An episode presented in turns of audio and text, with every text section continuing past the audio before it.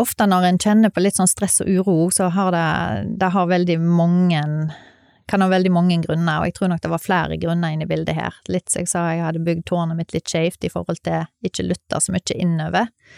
Vært veldig ja-menneske og likt å være med. Det ble litt masse, rett og slett. Det ble litt kaos. Det ble vanskelig å sortere, det ble vanskelig å håndtere. Da lytter du til Sunnhordlandpodden, en podkast med fokus på å framsnakke og heie på folk som brenner for noe her i Sunnhordland. Du som lytter, vil bli bedre kjent med de som står på som gründere i næringsliv, idrett og kulturliv. Målet mitt er at podkasten skal bidra til en framsnakkingskultur, bulyst og økt kjennskap til alt det spennende som skjer i Sunnhordland.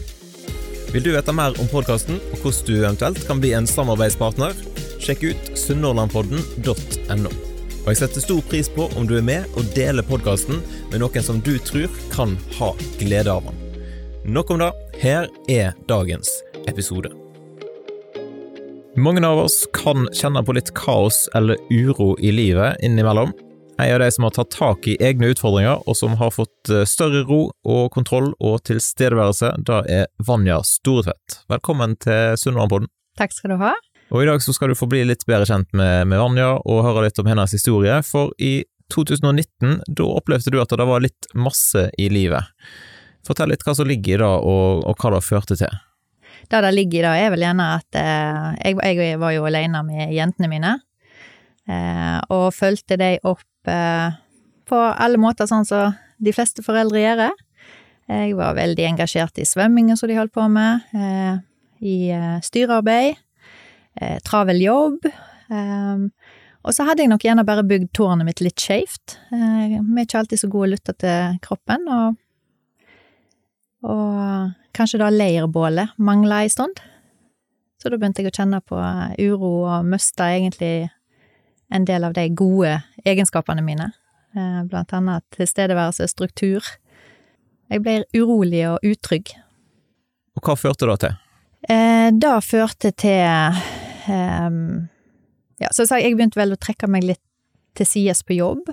Litt inn i min boble. Eh, det førte faktisk til en sykemelding. Eh, og da var egentlig målet at jeg ikke skulle gjøre, for jeg hadde gjort noen grep tidligere for, ikke, for å prøve å gjøre noe med det sjøl, først. Men eh, så gikk det noe sånn. Eh, og den sykemeldingen igjen gjorde at jeg fant ut at her må noe gjøres. Jeg må finne ut av hva jeg kan gjøre, og hvordan jeg kan gjøre det. Og da dukket coaching opp igjen. Husker ikke helt når det begynte, men, eh, men, sånn begynte det, og jeg sjekka ut hva som skulle til for å få en coachingutdanning. Så du tok rett og slett en coachingutdanning for å coache deg sjøl litt først, eller? Ja, for å Ja, i første omgang så var det kun for meg sjøl. Um, ehm, og den var i tre trinn, så tanken var at jeg, nå begynner jeg på det første. Og så tar jeg det derifra og ser hvor det leder meg. Og allerede på første samling så fant jeg vel ut at her kommer jeg sannsynligvis til å fullføre alle tre eh, kursmodulene, da. Ja. Denne reisen som du har vært på, da skal vi få høre litt mer om etter hvert, men det er jo kjekt å bli litt eh, bedre kjent. For, eh, for de som ikke kjenner deg, hvem er Vanja? Vanja er ei eh, helt vanlig jente, nå dame, da, fra Setravika i Sagvåg. Stolt sagvågsbu. Jeg er, bor veldig nærme der jeg er oppvokst, bor rett oppe på haugen over Setravika, noe jeg er veldig glad for. For meg er jo da paradis på jord. Jeg har to voksne døtre, så jeg, jeg er veldig, veldig stolt over. Jeg er Tiril på 19 år og Frida på 21 år. Så nå er jeg nett i en situasjon der jeg er blitt eh, Jeg og samboeren min, Bjørn, er blitt alene hjemme, så da er jo litt nytt. Jeg eh, jobber som eh, innenfor prosjekt, og vil egentlig helst si at jeg er prosjektleder. Det er det som på en måte er blitt yrket mitt. Mm. Ja, I Vertsla? I Vertsla, ja. Stemmer. Det er det. Jeg har jo prøvd å undersøke litt, og familien og sjøliv er mm. to ting som folk eh, trekker fram som er viktige i livet ditt. Ja. Kjenner du deg igjen i det? Ja, jeg kjenner meg veldig igjen i, dag. i dag. Ja, eh, familie er jo Ja, det er grunnleggende å ha på plass og ha rundt seg og ha tid til. Jeg har ikke alltid så god tid til det som jeg skulle ønske jeg kunne hatt. Men da velger jeg jo for så vidt litt sjøl hva jeg putter inn i livet mitt, men Eh, jeg er òg heldig at jeg kan kombinere sjøliv og familie. Eh, Foreldrene mine er veldig glad i å være på sjøen, og svigerforeldrene mine har vært en del på sjøen. Eh, Og meg og Bjørn har nok Det er mitt leirbål. Det er der jeg henter ro og energi. Der kan jeg bare være. Jeg kan ikke gjøre så mye der. Og da jeg trenger å ha en sånn plass. Og å oppleve naturen på den måten er helt Vi har så utrolig mye fine plasser rett rundt oss. Så sjøliv, da er Innehar alt. Ja, hva type båt snakker vi om da? Er det Da har vi en eh, ja, cabin cruiser heter det vel. Ja, en sånn her med Så ja, relativt stor? Rett og slett? Ja. En Rodman heter den, 44, som er veldig heldige, har mye god plass, har plass til å ha med oss venner og familie. Eh, Og så når jeg og Bjørn alene, så har vi mye tumleplass. Vi har hytte på sjøen. Det er vår hytte. Ja. Fint å ha det i Sunnhordland. Veldig fint. Det er, det er en drøm. Ja. Mm. Du nevnte sa òg ennå at du, du har ikke flytta veldig langt da, Setervik til Høgåsen. Det er et lite steinkast eller to. Ja. Eh, egentlig så hadde jeg veldig lyst til å nå kunne sagt at eh, adressa mi er Setravik, for det hører til Setravik på en måte. Men eh, veien måtte nå legges om sånn på grunn av utrykningskjøretøy til at det ble oppe i Høgåsen. Så, så jeg ser ned til mamma og de, og jeg ser ned på familie. Ja. Ja. Hva vil du si er det beste da med å bo i Sagvåg og Litlabø bydel? Jeg kan si noe om å bo i, i Setravikjo. Eh, da at det er så nært sjø, og, og at vi er eh, på en måte så nært med familien, og har oppvokst så, eller vokst opp så nært familien. Det er, det er veldig, veldig bra. Hei, Kjetil her. Jeg bare bryter inn i episoden i dag for å fortelle deg at eh, denne episoden den er sponsa av Verdig gravferd AS. Et gravferdsbyrå som står til disposisjon for hele Sunnhordland. De har kontor og samtalerom i kommunene Bømlo, Stord og Fitjar. Verdig gravferd har fokus på å levere høy kvalitet i de personlige møtene med pårørende. Besøk nettsida verdiggravferd.no for mer informasjon. Og jeg setter stor pris på at de hadde lyst til å være med som sponsor for denne episoden her.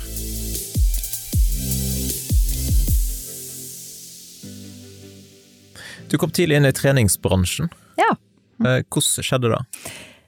Ja, jeg tror det var allerede da jeg var 16 år, så begynte jeg i Solid som aerobic-instruktør. Er Såpass, ja.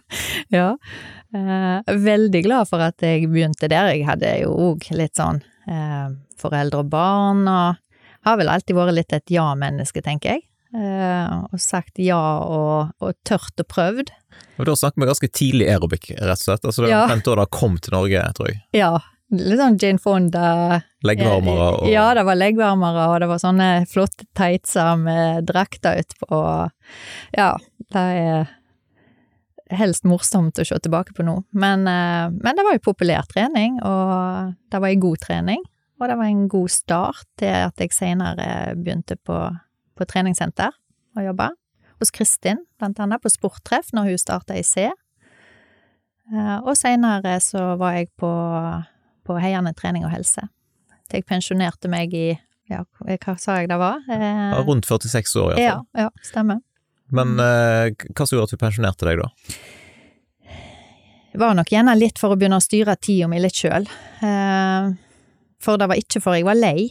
For jeg elska de treningene og folka jeg hadde der, og det løye med det når du har ei sånn Det er jo folka som er av interesse ofte, um, sammen med trening selvfølgelig, men da å få lov å eh, motivere og lede noen i den treninga, samtidig som jeg fikk trening sjøl, det var jo vinn-vinn. Eh, og vi ble liksom en liten sånn kjent gjeng, sjøl om vi egentlig ikke kjente hverandre, hvis du forstår hva jeg mener. Var det aerobic det gikk i hele tida, eller? Nei, eh, det var Når jeg begynte på treningssenter, så var det helst ja, step og styrke og litt sånne ting. Litt eh, high and low aerobic var det nok òg, på den tida, i den helt eh, gryende starten. Men på slutten så var det helst eh, styrke, styrketimer. Det var det jeg eh, trivdes best med da. Men har du gitt deg med trening òg, eller er bare instruktørrolla du har gitt deg med? Jeg har vel på en måte gjerne ikke gitt meg helt med noe av delene, eh, for da at når jeg eh, slutta der, det var vel litt av grunnen til jeg slutta, så hadde Bjørn lagt om uthuset til treningsrom. Ja. Eh, og så begynte jeg å trene der, og så fikk jeg noen venninner som hadde lyst til å være med. Eh, så hadde jeg de med meg, og så utvikla det seg litt. Så eh, Jeg har ei mamma som faktisk ble med i en alder av rundt 60 og Hva var det, 67 eller noe sånt? Aldri for seint. Um, og hun her fikk med seg noen venninner, så nå har jeg eh, gruppe, to grupper to dager i uka. Dere har sett et eget treningssenter i Høgåsen? Ja. Men det er jo det vinn-vinn da òg, for det er veldig sosialt, og jeg kommer meg ut på trening, for jeg er jo blitt litt bortskjemt med at jeg må på trening for noen forventer det. Så, så jeg har et lite, ja, et aldri lite vebegym, jeg kaller meg det på løye. Ja. Ja, har du plass til flere, hvis, du, hvis, det er noen som lytter nå som tenker at da er det gøy? Ja, nei, dessverre. da. Jeg skal ikke konkurrere med treningssenteret oppe på Stord. Ellers har jeg sett at du har vært engasjert i, i svømming. Ja. Mm. Det har jeg vært veldig engasjert i, og det er jeg veldig glad for. Og jeg er veldig eh, Jeg syns frivilligarbeidet er utrolig viktig, og det gir så mye. Og da kunne jeg ønske det var flere som visste, og flere som så det fra den vinkel. Eh, det å være i miljøet der ungene dine trener og oppholder seg så mye, der de, være med på reise, bli kjent med de andre som de trener med, og òg trenerne og foreldre rundt. Det har vært en Det har vært en eh, diamant. Uh, og jeg er så heldig at jeg har hatt begge jentene mine i samme eh, idrett. Så da var det òg litt ekstra Litt enklere òg å engasjere seg enda mer i det, da, når ja. jeg hadde de der samtidig. Helt klart. Og jeg vil jo tro at det finnes massevis av muligheter til å engasjere seg i sånt frivillig arbeid fortsatt. Absolutt, og da oppfordrer jeg alle foreldre til. Det er det, det, gir veldig mye. Det er tidkrevende, men det gir veldig mye, og jeg, du angrer ikke på det når jeg sitter her nå og ikke har de hjemme lenger. Når det kom til utdanning og jobb, da, hvor, eh, eller hva valgte du da? Du gikk ikke inn i treningsbransjen helt? Nei, det har alltid vært en sånn på si-ting. Nei, jeg fulgte nok litt eh, Når jeg skulle velge utdanning, det var veldig vanskelig, eh, og jeg fulgte nok litt i pappa sine fotspor, og og han var elektriker. Og så hadde onkel Øystein var òg elektriker, eh, men de liksom leda meg inn på dette med automasjon, at det da kanskje var interessant og var veien å gå i den tida. Så da ble det Jeg kom faktisk ikke inn på elektro med en gang, for det var tøft å komme inn mm, på grunn av alderspoeng og litt sånne ting. Så da havna jeg på mekaniske fag.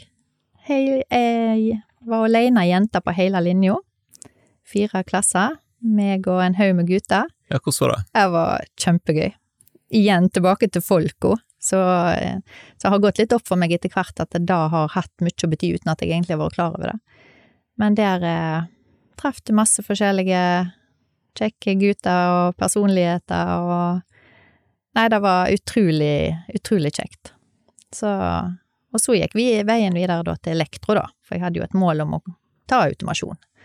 Så da hadde jeg noen kjekke år, eller et kjekt år på elektro på Stord, og så for jeg til Rubbestadnes på automasjon. Så òg var veldig kjekt. Mm. Var det flere jenter med da, eller var det fortsatt kun gutter? Nei, på elektro der var vi vel tre jenter, og på automasjon der var vi vel var vi to, mon tru. Um, så det har ikke vært veldig mye. Jeg har alltid vært i mannsdominert utdanning og, og uh, yrke. Men da syns ikke jeg har gjort noe. Jeg har blitt Nei. veldig godt ivaretatt. Sant. Hvordan gikk veien da, eller fram til der som du er i dag, i Vertsla?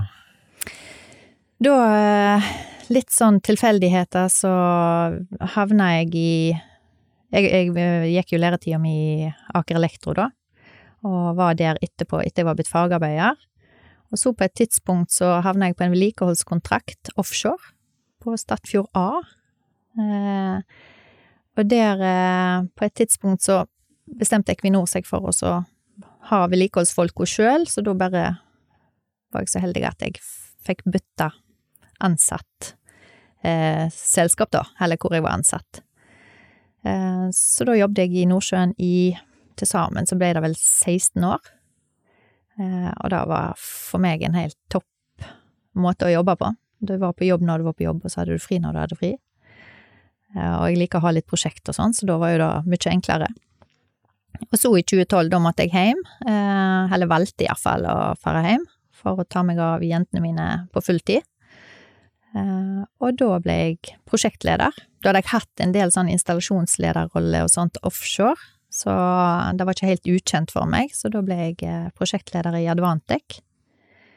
Um, og så var jeg der frem til 2018, og da ble jeg ansatt i Vertsler som prosjektleder.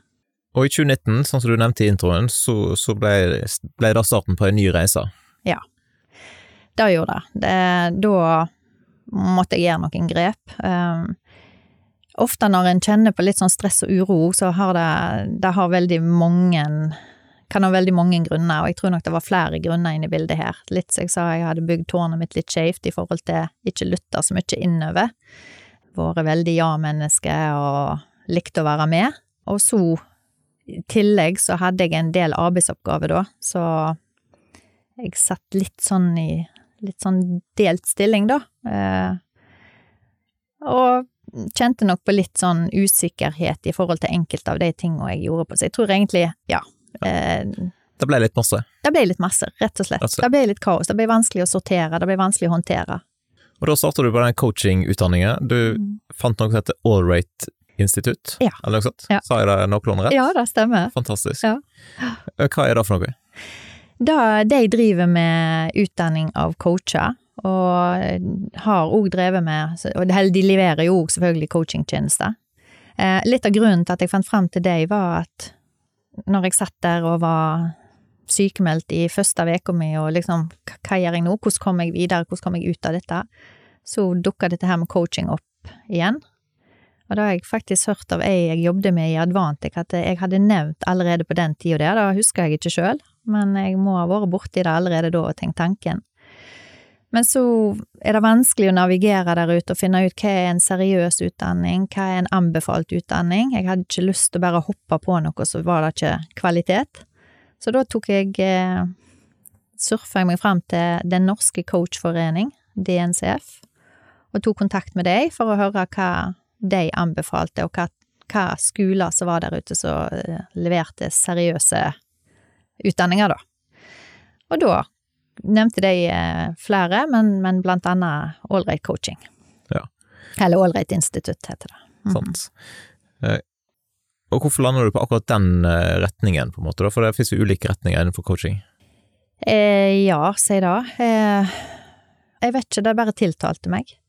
Litt ikke innenfor Det er jo noen som går terapeututdanninger, for eksempel, men det var litt for djupt igjen, eller litt for å kunne være Jeg vet ikke helt hvordan jeg skal forklare det, men jeg, eh, jeg husker ikke hvorfor. Jeg bare husker at når jeg leste om det, så var det Det, det er veldig håndfast, det er veldig målbevisst, det er veldig fremtidsorientert.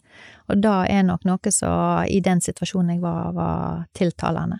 Hvordan ble ditt liv påvirka av denne reisa? Det er Jeg har fått en ekstra muskel, eh, og jeg har fått en helt annen ro. For da at, bare da at jeg, jeg er blitt veldig mye mer kjent med meg sjøl. Eh, hvorfor jeg reagerer på ting, hvorfor jeg lar meg stresse, hvorfor det er noe som gjør meg så glad, og hvorfor det er noe som gjør meg rolig. Eh, og den kartlegginga, eh, og da å forstå hvordan en sjøl både håndterer ting og, og reagerer på ting, det har vært utrolig nyttig. Og så har jeg jo selvfølgelig fått en del verktøy med meg, eh, og ikke minst et helt miljø i, den, i det coachingmiljøet. Vi var en veldig tett klasse som gikk alle tre trinnene i lag, og der òg har jeg jo nå folk rundt meg så jeg kan støtte meg til hvis jeg syns at det er vanskelig å ta verktøyet i bruk alene. Så, så, det har påvirka meg veldig. Eh, tilstedeværelsen er mer tilbake, ikke minst hvordan jeg kommuniserer, eh, noe som jeg er veldig opptatt av. Eh, og da er nok min største nøkkel i dag å kommunisere var nok å lytte på en annen måte. Du snakker om tre ulike nivåer, altså hvor, hvor lang tid snakker du om? Eh, det er tre halvår det er snakk om. Så da var vi på helgesamlinger, det er vel, jeg tror det er 100, en plass med 115 timer eller noe sånt per, per halvår. Eh, og den første da er noe som heter NLP Practioner.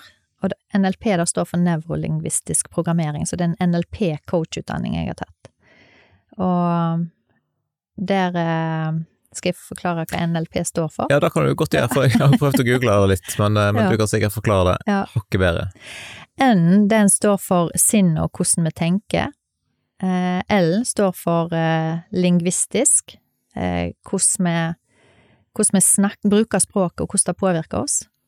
Og P-en står jo for programmering, eh, og da er hvordan vi hvordan vi på en måte handler for å komme til målet vårt. Eh, så nevrolingvistisk programmering heter det. ja. Høres iallfall veldig fancy ut. Ja, det høres veldig fancy ut, men i det korte av det hele, hvis jeg skulle fortalt det helt med mine ord, så er det jo egentlig Altså, hvordan vi kommuniserer og hvordan vi tenker, det påvirker oss voldsomt. Og det påvirker følelsene i kroppen, så det sitter veldig mange svar i kroppen, og der sitter òg veldig mange minner, og der kan òg veldig mye motivasjon sitte. Så det er, ja, kort fortalt. Og så starter du på ei gründerreise. Startet et enkeltpersonforetak. Du må fortelle litt om hvordan har den eh, reisa vært? Ja, den eh, Jeg vågde meg jo til slutt til å starte den her, for når vi kom Den første trinnet som jeg nevnte, det var NLP Practioner. Da, da på en måte lærer du det grunnleggende, og så har du også et NLP Practioner master. Da går du enda dypere inn i dette her, og så har du eh, det siste trinnet som går litt mer på sånn teamcoaching og det. Og etter du er ferdig med det, da er målet en sertifisering. Um, og før du tar sertifiseringen, så må du ta en intern eksamen, og i forkant av det så må du ha Når vi begynte på dette, så var det 125 timer praksis. Og da måtte jeg jo opprette et eller annet som gjorde at jeg på en måte var seriøs og eh, kunne levere de tjenestene igjennom. Så da ble det Mind Your Life, eller Myl Coaching, var det ble oppretta da. Eh, og så var jeg så heldig at jeg fikk Jeg tok Jeg var heldig, og så var jeg nå litt vågelig òg, tenker jeg. Jeg eh, gikk til Atene og snakket litt med deg. Vi er jo så heldige at vi har noen som kan hjelpe oss i gang her på Stord. Um, og der ble jeg jo møtt på en utrolig fin måte, uh, og fikk råd og veiledning, og, og det enda òg med at jeg eh, fikk lov å sitte der i starten, jeg hadde disse permisjonsdagene mine, da, og kunne levere coachingtjeneste derifra. Uh, og da å ha noen i ryggen som heier litt på deg, og, og som kan hjelpe deg med det praktiske, og tror på deg eh, når du står egentlig alene i en sånn oppstart, da, da hadde alt å si. Ellers så tror jeg nok ikke at det, det hadde vært så lett å gått videre. Men hvordan ser arbeidshverdagen ut nå, da? For du har ikke, du har ikke sagt opp jobben på, på Verselet helt ennå? Nei, og det kommer jeg nok ikke til å gjøre. Eh, Jeg kommer ikke til å eh, Sånn som jeg ser det nå, så Jeg har ikke behov heller for å drive med coaching fulltid. Det viktigste for meg er å få drive med coaching i en sånn grad at jeg får, får støtte andre i å, å oppleve det samme som jeg har gjort, hvis en trenger det, da.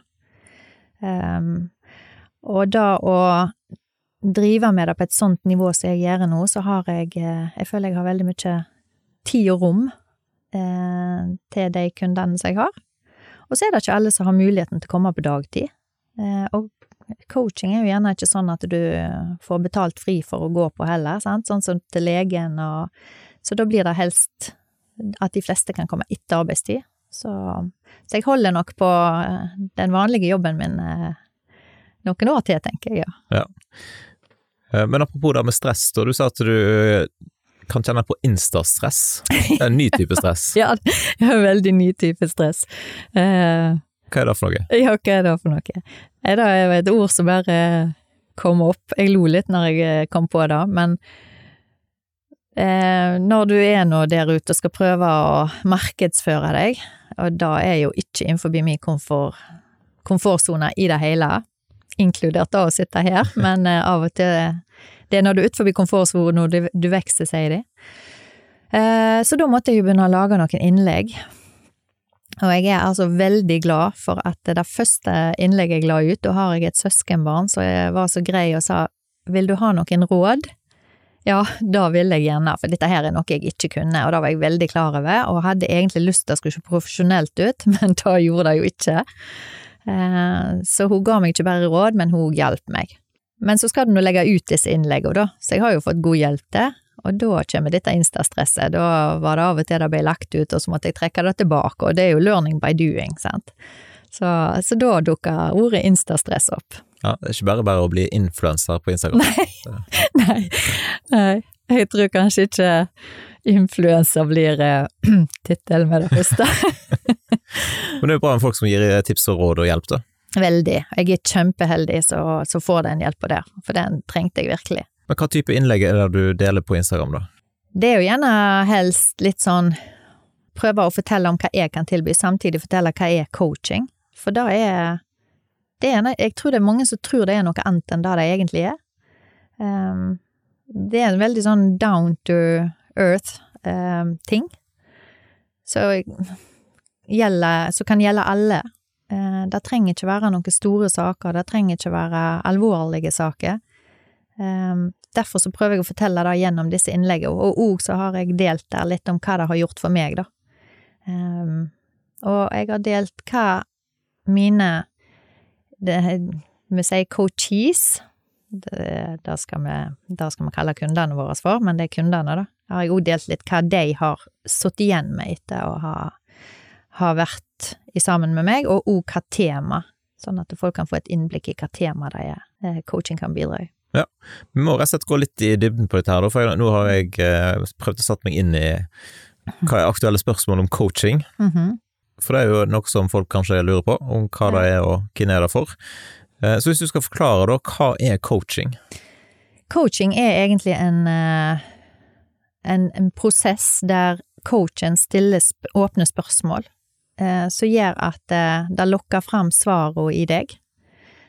For svarene sitter du med sjøl, det har ikke coachen, og en coach skal ikke gi råd, sånn som så kanskje andre, en rådgiver ville gjort. Eh, og da er jeg litt for ikke å havne i den fella at eh, vi gir råd ut ifra egne erfaringer og egne kanskje både verdier og syn på livet. Eh, så coaching er er frem, fremtidsorientert, den prosessen. Det vil si at vi ser fremover. Vi må kanskje kikke bitte litt på hva som har skjedd, for å forstå hvordan en skal gå, bevege seg fremover. Men vi går ikke i dybden på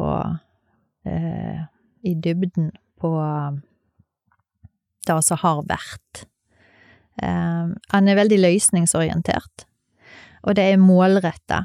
Og da, da er, i coaching så er det veldig viktig da at en, en setter et mål, og en setter ei tidslinje, og finner motivasjon til hvordan, hvorfor skal jeg nå dette målet, hva er det som skal drive meg fremover? Og òg lete frem de ressursene som en har i seg, for en har veldig mye, og en har gjerne brukt de ressursene i andre situasjoner, men en kommer gjerne ikke, har ikke helt leta det frem i den situasjonen en er i akkurat der og da.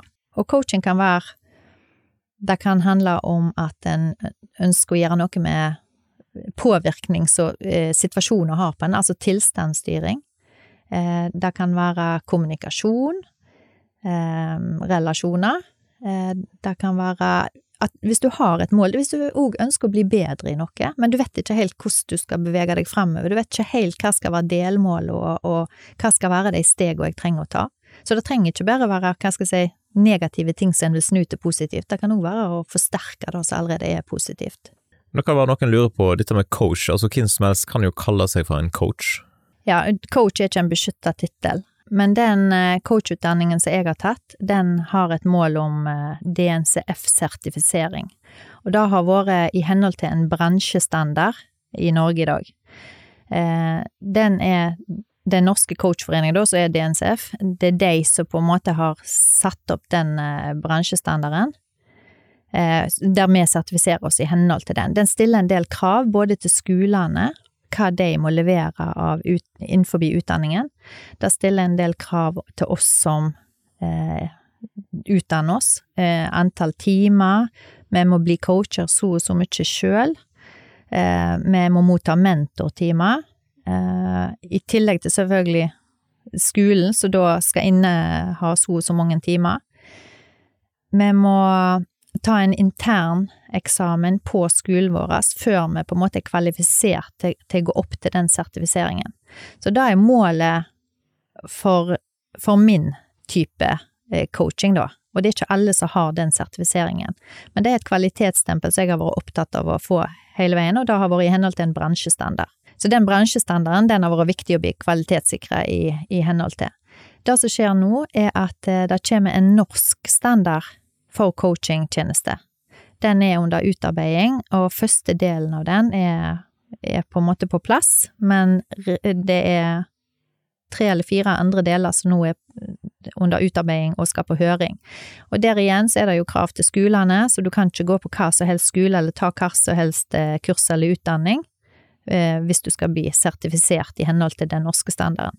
Og det stiller òg krav, akkurat på samme måte som den DNCF-standarden, til, til, deg som coach, og hva du skal Én ting er skolen, og så er det hva er det du må lese, hva er det du må levere inn av oppgave, coachingtimer i praksis, og da er faktisk eh, Nå er det vel 110 timer, tror jeg det.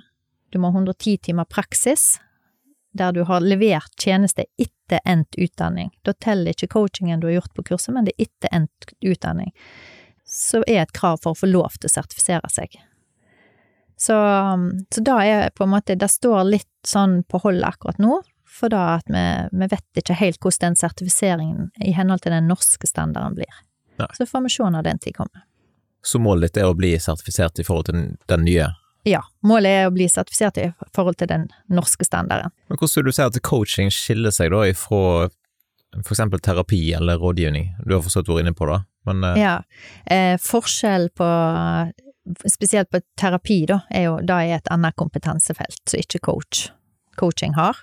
Og vi eh, jobber ikke med Der det trengs behandling, der jobber ikke en coach. En coach jobber eh, på et annet nivå. For da er spørsmålet altså hvor store utfordringer må en ha for å oppsøke en coach? Nei, det trenger ikke være stort. Hvis du har noe du ønsker å endre, det kan være Eller hvis du kjenner at eh, ting er litt kaos oppi, oppi hodet. Eh, en klarer ikke helt å sortere. Så det er jo noe alle kan kjenne på. Hvis en kjenner at eh, nå kommuniserer jeg dårlig med partneren min, eller med tenåringen min, eller det kan handle om dating og Altså, helt hverdagslige ting. Men hvis du kjenner på noe som gjør at du føler deg ute av balanse, du føler deg urolig, og, og det er noe som opptar deg mye av tida di, eh, det krever energi, da da terskelen skal ikke være stor for å ta kontakt, og en kan alltid ta kontakt uansett, hvis en lurer på om coaching kunne vært noe for det temaet som en har, eller det en går og kjenner på, så tilbyr jeg helt uforplikta samtale. Da setter vi oss ned en halvtimes tid og ser om Sånn at de kan bli kjent med meg og hva coaching er. Da forteller jeg litt mer eh, Litt dypere om, om hva det er. Og så kan jeg få vite om temaet deres, kan vi sammen bli enige om vi ønsker å gå videre. Ja, for hvordan ser det ut i praksis? Altså hvis, hvis jeg var interessert i coaching for mm. å bli en, en bedre podkastvert eller noe sånt, mm. da ringer jeg til deg, og så sier jeg du, jeg lurer på om coaching er noe for meg. Ja, da avtaler vi tid og sted, og da kan vi selvfølgelig ta på telefonen. Eh, jeg vil helst at vi treffes personlig, eh, i det minste på kamera. Det er litt for at det, den som tar kontakt med meg, skal bli kjent med meg òg, eh, og kjenne om kjemien er der. Så melding på Facebook eller Instagram eller telefon eller hva som helst. Det viktigste er bare å ta det der første steget og se om dette er noe for meg. Mm. Ja, hvordan er det da ut videre fra A til Å, liksom? Det som vi gjør da, da i den uforplikta samtalen, da, så forteller jeg jo litt om selve prosessen, litt om eh, hva jeg tilbyr i forhold til eh, verktøy og eh, da at en må forplikte seg, for, for jeg, kan ikke, jeg kan ikke gjøre dette her for noen. En må ville det sjøl, og vi må finne den motivasjonen som gjør at en jobber med det mellom timene. Og det som jeg anbefaler da, det er en prosess som er minimum fem timer. Og det er fordi at det er ikke en quick fix å gjerne kartlegge hva det egentlig en vil ha ut av dette her, og, og hvor er en i dag? Hva er det vi må endre? Um, hvor hen en skal kartlegge gjerne verdier for å finne motivasjon. Eh, det trenger en ikke gjøre, men en kan gjøre det. Så det, det er en del eh, ting vi må innom for at det skal bli best mulig resultat. Men etter en da har gått en sånn prosess, så er det lettere å komme tilbake på enkelttimer. Hvis du kjenner at ok, nå er det noe som uroer meg, jeg kunne tenkt meg å få sortert i det. Da har vi et grunnlag fra før, for vi kjenner hverandre, og den personen som da har vært der før, er mer kjent med, med seg sjøl òg, enn, enn vi, før vi begynte. Eh, så da er det lettere å ta sånn enkelttimer for å løse opp i ting. Da kan være folk lure på hva bør en sette av som et budsjett? Altså, du snakket om fem, iallfall fem Ja. Eh, nett nå så er det, tar jeg 600 kroner timen. Det er iallfall eh, sånn som det er nett nå. Så da kan det være lurt å være tidlig ute, hvis en eh, Ja, ja, da, kan det. Absolutt. Ja. Så, så et budsjett på En må, en vi kan jo selvfølgelig prøve en time òg, men, men det er bedre resultat hvis en, en eh, går de, den prosessen. Absolutt. Og da pleier vi å si at det er sånn cirka 14 dager imellom timene, da er en, et, funnet ut at det er veldig bra tidsaspekt, for da at det skjer, det skjer egentlig mest mellom timene. Det må jobbe med i timen, da tar en med hjem, noe bevisst og noe ubevisst, og så får en gjerne noen oppgaver som en skal jobbe med hjemme, hvis, men da er selvfølgelig noe som er avtale, og at det er greit for eh, kunden. Um, og, og derfor så er de 14 dagene nyttige å ha. Hvor viktig er det å finne en coach som passer for meg, liksom? Altså kjemien mellom, eh, mellom Nå husker jeg ikke hva du kalte det, coachee? Coachee, Ja, ja. Det er veldig viktig. For det er klart, det blir akkurat sånn at hvis du skal sitte og ha en eh, fortrolig samtale med noen, så gjør du nok helst det med de som du føler at eh, er til stede og er interessert, og du føler du har en kjemi. Og det er faktisk noe av det første vi lærer på utdanningen, er, de kaller det for rapport. Det å ha rapport med noen, eh, det at en med, på en måte, og da er det coachen som helst skal sørge for. Det er vår første oppgave er å opprette den, eh, den tilstanden. Ja. Hvordan jobber du med det? Kanskje ikke helt bevisst på en måte, men eh, det er ikke sånn at jeg tenker bevisst før noen kommer inn at nå må jeg gjøre sånn og sånn for at vi skal få den eh, kontakten. Men da å være genuint interessert i mennesket, da å være til stede for deg, dette handler overhodet ikke om meg, det handler om deg. Det Da at eh, jeg tillater uansett hva som skulle komme, og da forteller jeg òg om i, i den for, forhåndssamtalen, at eh, jeg kan stå i følelser, for det blir jo gjerne følelser rundt det. Så jeg tror da å Da at noen lytter til deg eh, og ser deg, det er vel eh, nøkkelen. Men hvordan er det i forhold til taushetsplikt og, og sånn, er, coaching, er det konfi konfidensielt? Det er akkurat så Det er akkurat som du hadde vært en terapeut, eller du hadde vært til andre. Så, så der er vi helt likestilt. Så, og da er jo litt sånn, når vi bor på en liten plass, så er det en av de tingene som plutselig dukker opp hos meg en dag, at det har jeg jo aldri sagt noe om. Men, men det er klart, når jeg treffer folk ute på gata, så eh, er det ikke jeg som skal ta initiativet til å si hei, eller det må være opp til deg, sant. At det, er opp til deg hva de vil fortelle om, om coachingen, og om at de går i coaching, men jeg har ikke noe Jeg skal ikke si noe om det. Nei. Men kan si noe om hva type mål er det vanligst å jobbe med? Ja, litt vanskelig å si vanligst, egentlig, for da at eh, jeg har hatt så mye variert. Så jeg har hatt eh, atferdsmål, har noen jobba med.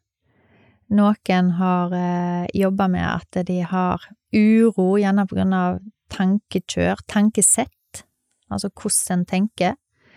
Um, noen er der på grunn av stress.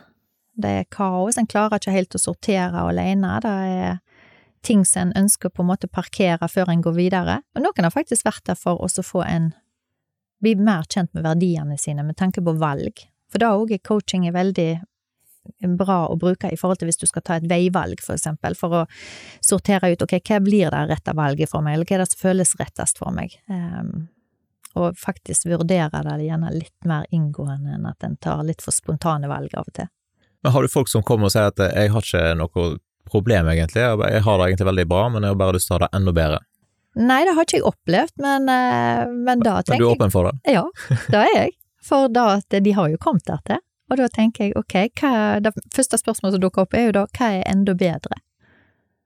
Og jeg er helt sikker på at hvis jeg hadde spurt det spørsmålet, så hadde ikke de sittet og sagt ingenting. Det hadde dukket opp et eller annet. Så, så jeg er åpen, eh, jeg er åpen for det meste. Um, Jeg, har ikke, jeg har ikke opplevd at jeg har møtt på noe jeg ikke ville kunne tilby noe i, da. Men det er klart, den, den rettigheten har vi jo begge sider, at hvis vi ser at dette her er det fungerer ikke, eller her kommer vi oss ikke videre, så om en har innlatt seg på en prosess da, så har jo selvfølgelig kunden eller coachien òg muligheten til å si at eh, ok, dette passer ikke for meg, eller eh, vi kan ikke gå videre. Og det er jo klart, hvis jeg òg ser kanskje at det er andre tjenester de skulle hatt, eller andre for eksempel terapi eller behandling, da, da skal jeg anbefale det. Og jeg skal heller ikke gå inn som coach, så skal du passe på at ikke du bryter inn i et behandlingsopplegg. Så det er òg jo sånn, det er opp til kunden å si om en er i det, men det er en av de spørsmålene som òg stiller, sånn at ikke vi ødelegger et opplegg som allerede er på gang. Eller vi, ja, jeg ødelegger, jeg snakker med for meg sjøl, da. Ja. Men sånn er coaching, iallfall. Ja. Er det noe du liker best å jobbe med sjøl? Nei, altså enda så er jeg jo Jeg er, har jo ikke holdt på veldig, veldig lenge, men jeg merker da at eh, jeg liker godt eh, å jobbe med kommunikasjon. Og da er òg gjerne Håpet er jo gjerne å Eller håpet, det er nå bare meg sjøl som kan styre da, men, men ett mål er jo å kunne jobbe med grupper der en har fokus igjen på det som går på kommunikasjon, for der tror jeg vi har mye å hente alle.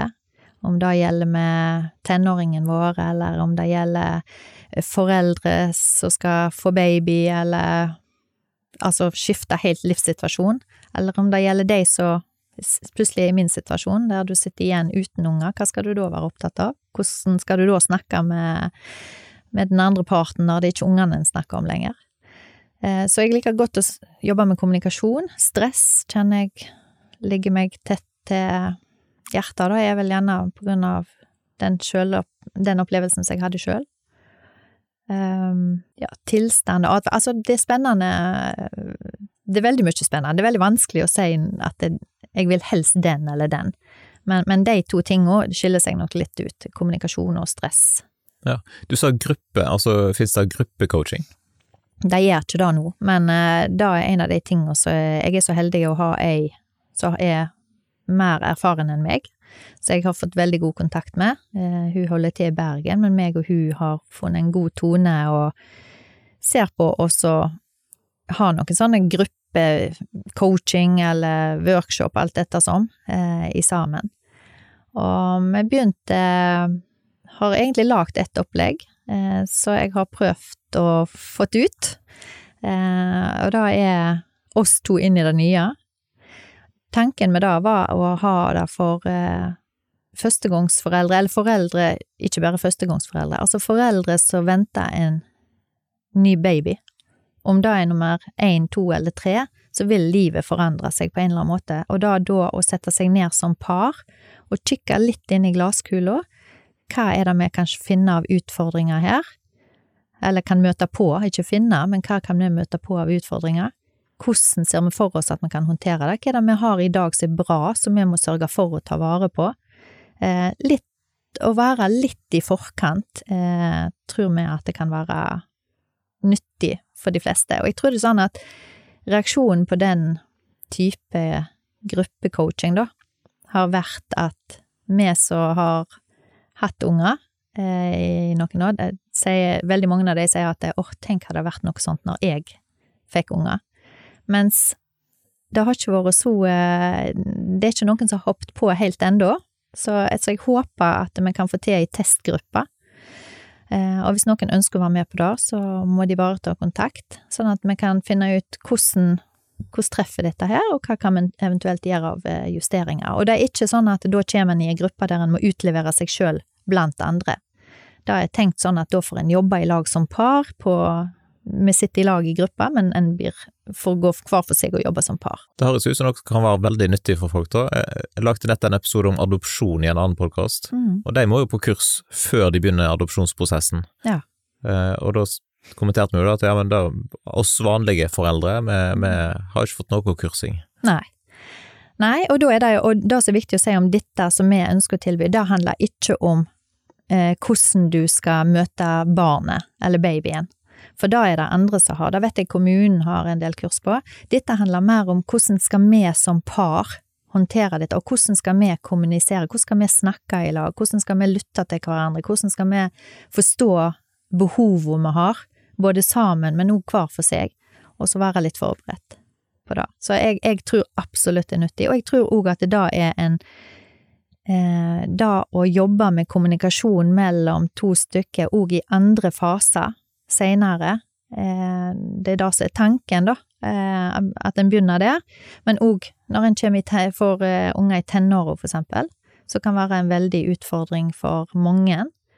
Da å se at uh, ungen sin begynner å løsrive seg, og en har ikke den samme kontrollen, en, uh, det er hormoner inne i bildet, en vet ikke hvordan en skal kommunisere, og, og, jeg tror vi alle har litt lett for å gå inn i et mønster, og det mønsteret passer ikke alltid ungdommen vår, og så kan det bli litt sånn uh, klabb og babb. Så Sikkert noen som kjenner seg litt igjen i det. Ja, jeg Muligens. tror kanskje det. Ja. ja. Har du peiling på statistikk, er det mest menn eller kvinner som oppsøker en coach? Nei, da, da, burde jeg jo sikkert ha sjekk ut, selvfølgelig. Det var et godt spørsmål. Men hos meg så er det iallfall mest damer. Mm. Jeg tror det handler litt om tørre å være sårbar. Det er bare en sånn helt eh, egen oppfatning. Eh, vi er jo gjerne nå skal jeg være forsiktig med hva jeg sier og hva jeg påstår, men, men det virker i hvert fall som om at jenter er gjerne litt flinkere å åpne seg til hverandre òg, om det som kan være litt nært og, og litt vanskelig, eh, enn det kanskje menn er sånn, hvis du tenker generelt sett, da. Og så er det ingen sånn at det, det er en kategorisering uten eh, ja. ja. Jeg tror folk skjønner hva du mener. Ja, Vi satser ja. på det. Mm. Men det betyr jo at eh, kanskje flere menn burde oppsøkt coach? Det tror jeg, for jeg, jeg tror at menn opplever mye av det samme. Jeg tror eh, en egenskap som gjerne vi damer kunne lært oss litt mer av menn, er jo at vi, vi damer har en liten tendens til overtenking og gjerne bære på ting litt lenger, da men jeg tror fremdeles at eh, menn har nytte av De opplever nok stress og opplever at ikke en møter forventninger eller har lyst til å bli bedre i noe, for all del. Ikke glemmer den positive sida. Det er ikke alltid da at en skal endre noe negativt til mer positivt. Jeg lagde jo en episode for litt siden med Linda, ja. som òg er coach, og hun retter seg inn mot eh, bedriftsmarkedet, eller småbedrifter mm. og mellomstore bedrifter. Mm. Har du landa på hva som er hovedmålgruppa di? Eh, vanlige folk. Det er liksom sånn generelt sett. Altså, en trenger det absolutt i bedrifter òg, og det ser jeg, det ser ut som det kommer mer og mer nå. Eh, Iallfall så ser jeg sånn noen, noen signal på det. Men der er det så masse. Og jeg tenker at eh, ja, der er Linda, og det, det er andre òg på Stord eh, som driver med det. Mens jeg har lyst til å jeg har lyst til å jobbe med, med, bedrifter på en enda, men da mer som gruppe, egentlig. Sånn. Ehm, jeg har lyst til å hjelpe folk i det hverdagslige. Men hvordan måler en suksess, da?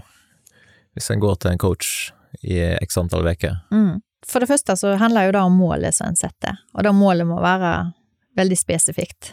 Eh, det må være målbart, og det er noe av det vi jobber med aller først. Eh, å sette målet at det er målbart. Hva, er det som skal bevise at vi har nådd det målet? Hva eventuelt er delmålet på veien, og hvordan kan vi måle underveis at vi er på rett vei? Det må være tidsbestemt. Um, og det må selvfølgelig være realistisk. Uh, og hvis det er suksess, så skal en jo helst ha oppnådd uh, det som en sa hvordan en skulle måle det, da. Um, og det som fascinerer meg, er at uh, det er ikke alltid Altså, suksessen blir ikke målt bare i den sluttimen. Da å Sånn som jeg opplever det når jeg ser, tenker på enkelte som har kommet inn i første timen, og når de går ut etter, etter første timen òg, for all del, men etter andre og tredje, og du ser at noe begynte å skje, de kommer med tilbakemeldinger som forteller at de begynte å bruke det, de begynner å oppleve en annen ro, eh, gjennom mindre tankekjør. Um, det kan være at en eh, ser litt lysere på ting, og Så suksessen er ikke bare på slutten, suksessen blir målt litt underveis. Og så må vi justere, hvis at eh, vi ikke ser at vi har den progresjonen vi skal ha. Men hvor er det du holder til, da, når du gjennomfører coaching? Nei, nå er jeg så heldig at jeg har fått eh, meg en kontorplass hos Bedre helse. Eh, jeg var og snakket med de der, og de var igjen, akkurat som Athene, de var veldig positive. Og har eh, tatt meg inn på en utrolig god måte. Og igjen, den støtta som en får når en er litt alene der ute, eh, da å få lov å være innunder en paraply og få lov å være på en måte i lag med andre uten at du, du er ansatt der, så har det gjort en helt enorm forskjell. Men dette med aldersgruppe, da, altså hva, hva alder er de fleste kundene dine i? De fleste ligger nok imellom 30 til litt over 50, tenker jeg. Men jeg har òg hatt kunder som er i 20-årsalderen. Eh, enda yngre òg er en mulighet. Men vi skal gjøre noen valg, for eksempel når en skal velge skole og utdanning, som kan være vanskelig å ta alene, og òg så kan det være en fare for å bli litt for farga av foreldre, for eksempel. Så der er òg absolutt en plass der eh, coaching kan bidra. Det å ta et veivalg. Det å forstå hva en har behov for når en skal ta det veivalget. Hva er kriteriene for en utdanning og en jobb litt lenger framme. Kan jeg rett og slett tipse mine ungdommer om å ta turen til deg? Ja, det kan du. Hvis jeg ikke føler at vi når helt igjennom sjøl? Ja. Jeg tenker at en prat er iallfall verdt, og det er jo klart at de har jo ikke den livserfaringen med seg som vi har gjerne, men, men det kan sette i gang en tankeprosess om hva som er viktig for dem. Eh, så det er absolutt noe å Så lenge så en ikke tenker at ok, det som kommer fram der da er helt sånn spikra 100% men det er en tankeprosess rundt hvordan en skal ta et valg, iallfall. Mm. Øvre grenser, da? Har du noe alderstak? Nei, det er ikke ei øvre grense. Og jeg tenker at det, eh, en av de tingene som meg og hun som jeg jobber litt i lag med, da, har snakket om, det er jo hva den dagen du blir pensjonist, for eksempel. Eh, det å være i forkant på det, det hadde òg vært veldig interessant å jobbe med, gjerne òg da i gruppe, men òg én og én. Eh, noen gleder seg til å gå inn i pensjonsalderen og vet hva det er de skal drive med, for de har masse hobbyer og ting de har lyst til å gjøre, mens andre er nok gjerne mer usikre på hva de skal bruke tida si på, og hvordan skal de da fylle hverdagen som gjør at livet fremdeles er gir god verdi, og gir eh, utfordringer og nye opplevelser og gir den roen så da Roen og lykken som det skal være å bli pensjonist, i mine øyne iallfall. Si litt mer om de ulike typer temaer som du jobber med. Typiske temaer som jeg kan jobbe med, det er jo motivasjon. Altså for eksempel, veldig mange eh, vil begynne året med trening, for eksempel, for å ta noe som alle kjenner seg igjen i, eller i hvert fall veldig mange kjenner seg igjen i. Og da og da lete fram hva den motivasjonen skal kobles til, og hvordan du kan bruke motivasjon, for vi har mot motivasjon, og vi har bort fra motivasjon. Så motivasjon er en av de tingene som er viktig. Eh, Atferdsendring. Hvis en ser da at en eh, har reaksjoner, for eksempel, på ting som gjør at en kan bli oppfarende eller lei seg, eller en eh, håndterer ikke ting helt sånn som en har lyst til å gjøre, så er det et tema som er verdt å bruke litt tid på. Litt sånn anger management, ja, eller? Ja, rett og slett.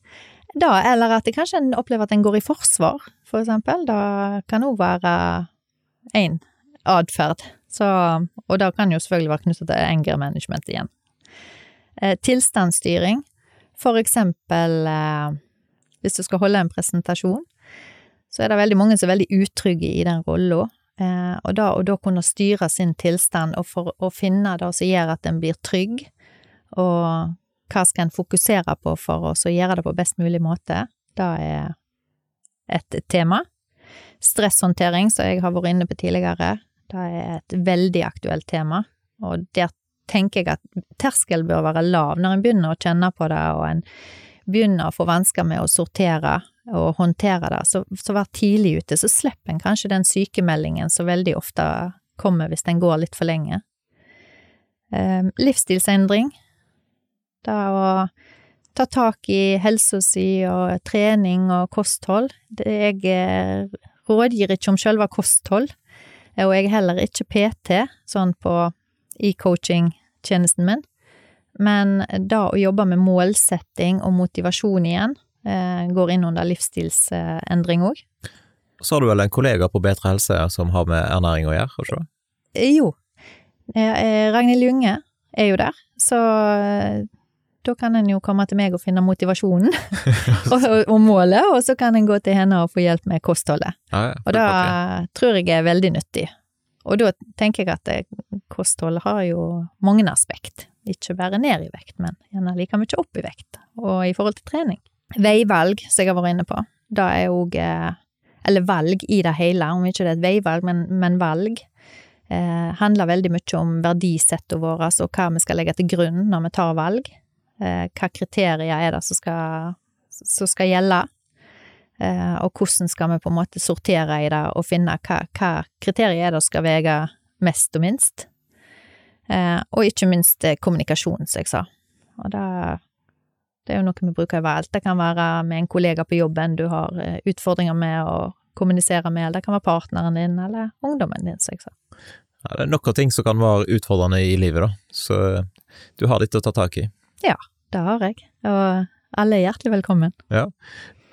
Du nevnte Instagram og, og sånn, men du må si en gang til, hva heter brukeren din der? Den heter Meal Coaching, og det står for Mind Your Life. Og det ble engelsk.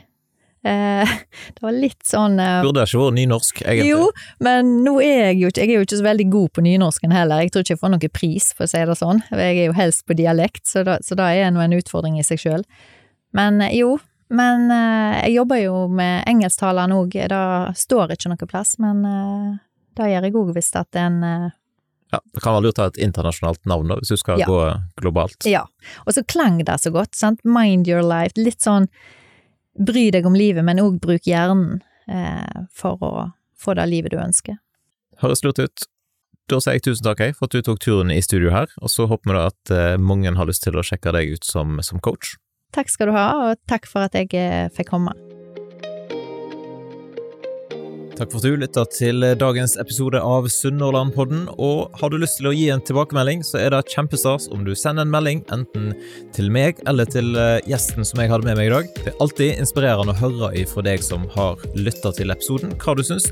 Har du lyst til å gi podkasten en vurdering i Apple Podcaster eller noen stjerner på Spotify, så setter jeg òg stor pris på det. Har du kritikk og konstruktiv tilbakemelding, så er det jo kjempestas om du sender en e-post til f.eks. post etter sunnhordlandpodden.no. Og Hvis dette var første gangen du lytter til podden, så håper jeg da at du har lyst til å sjekke ut eh, flere episoder i arkivet. Det er så mange gode folk fra Sunnhordland som har vært innom studio og delt om det som de brenner for. Og Jeg håper da at du har lyst til å slå følge med podkasten i sosiale medier. Du finner oss på Instagram og på Facebook.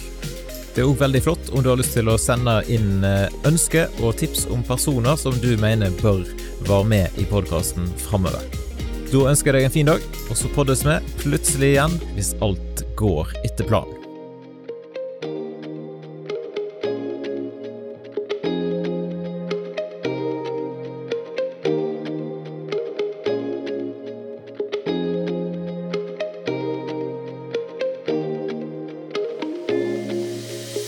Podkasten er produsert av Kjetil Fyllingen.